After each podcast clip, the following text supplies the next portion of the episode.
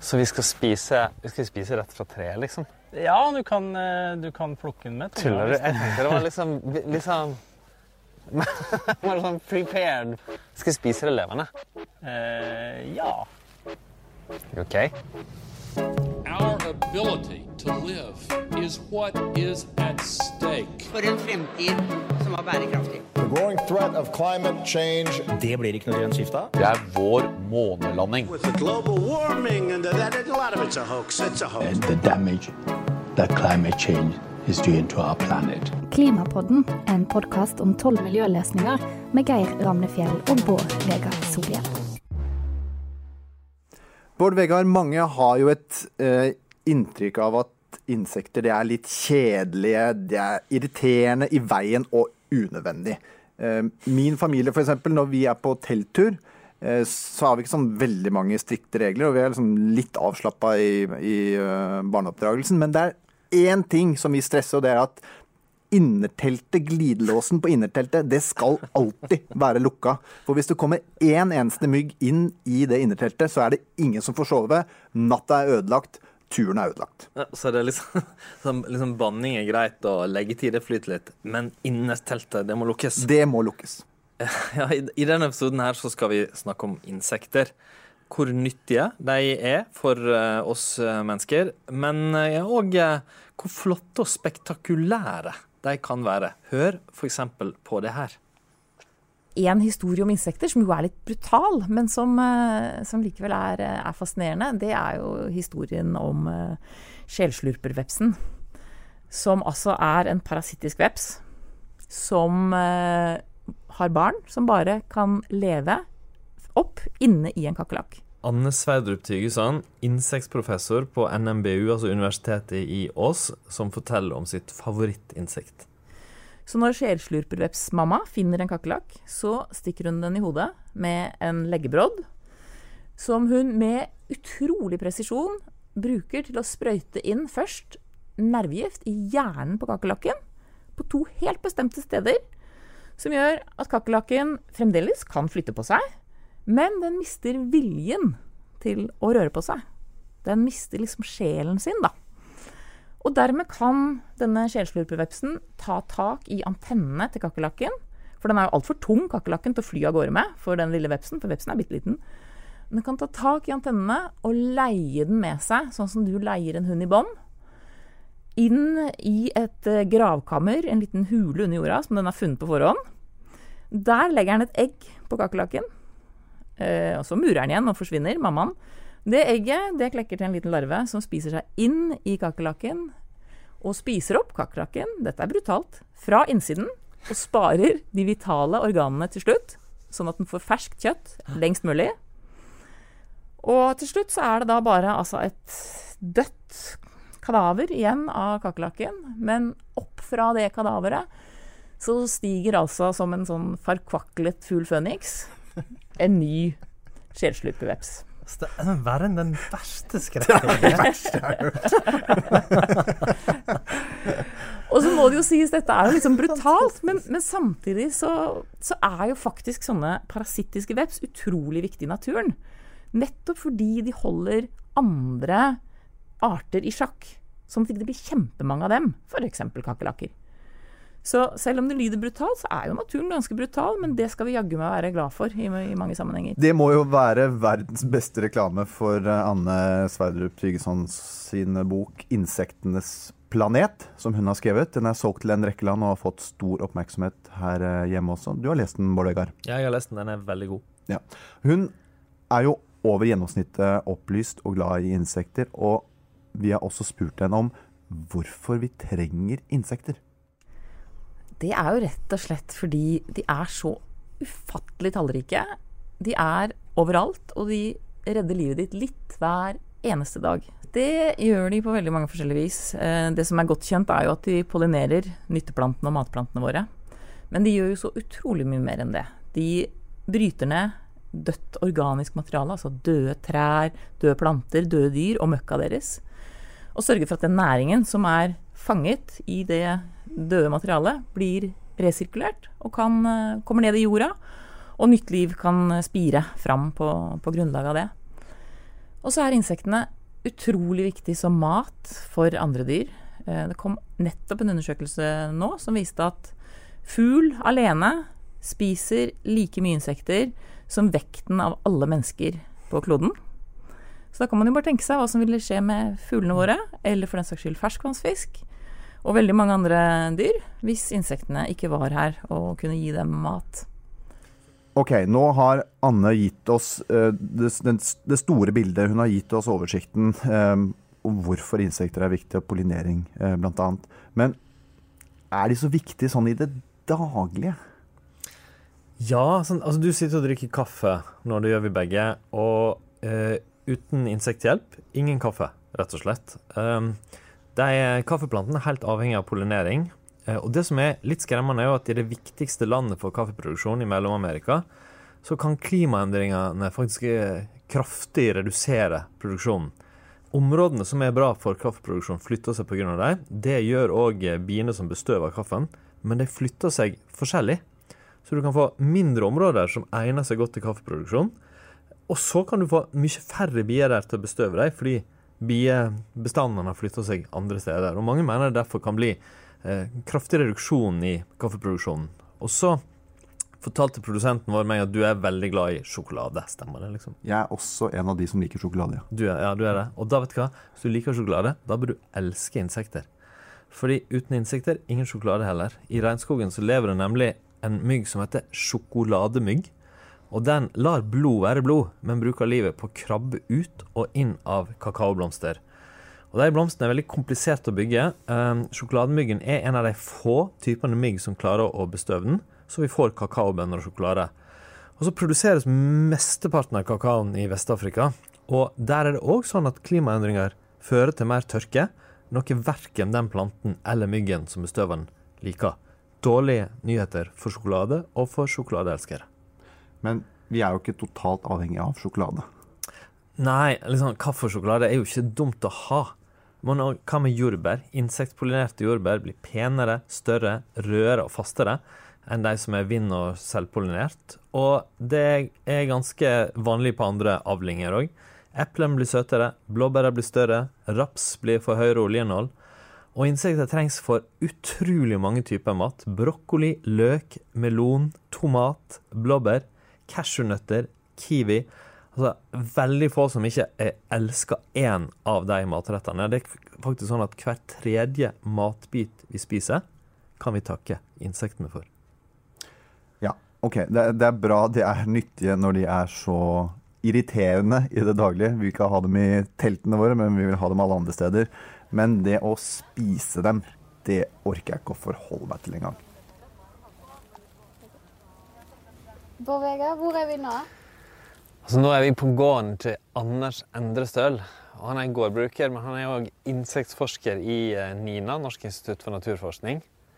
Og vi skal nå smake på insekter. Men Geir ville ikke være med. Geir er det barna mine ville kalt pysete. Jeg kaller det mer at han Altså, han liker ikke tanken på å smake på insekter. Men vi skal gjøre det. Ja, vi sitter jo i den selja her, da. Så vi skal spise, vi skal spise rett fra treet, liksom? Ja, du kan, eh, du kan plukke den med tunga. Tuller du? Jeg tenker det var liksom liksom Mer sånn prepared, på en måte. Mer Nei, jeg har ikke, det er ikke, jeg har ikke tilberedt noe, nei, så du må ta det naturell. OK. Er Så her- Altså, jeg har, jeg har spist insekter før. I Kina. Nei, jeg reiste rundt i Kina for flere tiår siden. Men det var alltid liksom tilberedt på tallerken. Ja, frityrstekt. Ja, sånn blant skorpion, da. Den grilla eller veldig sånn og, og ja, som du sa, insekter brukt i frityr og sånn. Det kunne være godt. Det var litt sånn skremmende, men det var godt. Men jeg hadde liksom bare tatt et insekt og spist det. Nei, altså er det jo levende, da. Skal jeg spise det levende? Eh, ja. OK. Liksom, hvor viktig er egentlig insekter som mat? Spiller det en vesentlig rolle som mat i verden? Ja, faktum er jo at på verdensbasis så er det å, å spise insekter eh, viktig. Eh, to milliarder av klodens eh, 7,6 eh, milliarder mennesker eh, spiser insekter som en naturlig del av, av kostholdet sitt. OK. Nei, altså, du må tygge den godt, da. Ja, vi se.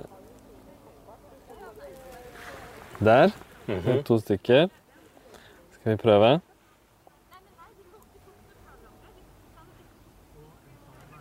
Ja. Der har vi den. OK. Tar jeg den i munnen. Og så tygger den godt.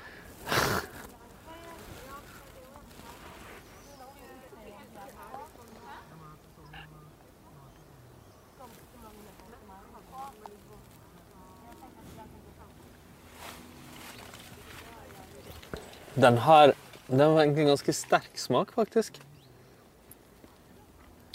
Lett syrlig. Um, masse sånn aroma, liksom, som legger seg i hele munnen. Ja.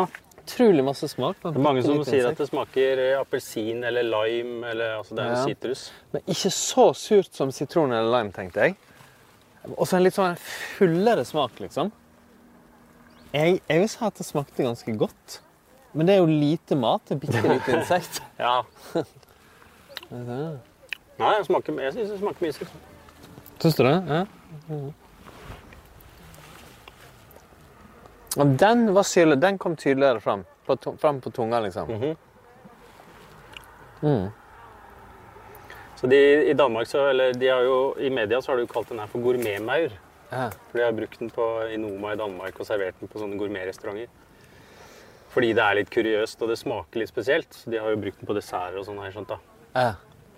Men det er klart, dette Det er jo ikke sånn man vil spise insekter hvis man skal bruke Nei. det som mat. Men det, det gjelder jo egentlig alle Du spiser jo liksom ikke Spiser jo veldig lite mat akkurat sånn som du finner i naturen. Ikke? Ja da. Men, eh, så dette her er da en eh, svart tremaur, heter den. Den eh, Lasius fulgineus. Og den Den er vanlig i Norge. ganske vanlig på Østlandet. Ja. Og den, eh, den lever i hule trær.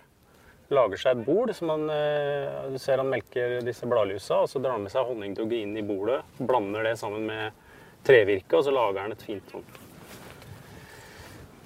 reir da, inni treet. Mm. Og det her er det da Det er altså Det er som kjent da at man kan bruke i matlaging. Ja, jeg vet ikke, jeg vet egentlig ikke hvor vanlig det var, men eh, det er jo et Jeg hørte det først eh, av disse danskene da, som hadde begynt å liksom forske med dette her. De har jo liksom sånn matlab hvor de prøver litt forskjellige ingredienser og sånn, og da har de begynt å kikke litt på insekter som mat. da. Det er ikke så kjent at du kan bruke sånn sjekketriks. liksom. Vil du være med meg hjem og smake på mauren min? Ja, jeg vet ikke hvor godt det slår an. Ingen av oss trenger det heller. Um, Nå har vi smakt på svart tremaur. Egentlig god syrlig smak. Men i et mer sånn miljø- og bærekraftperspektiv, hvorfor skulle vi, ja, hvorfor skulle vi spise mer insekter? Nei, det er jo klart, eh, Vi har jo veldig lite tradisjon for å spise insekter i vår del av verden.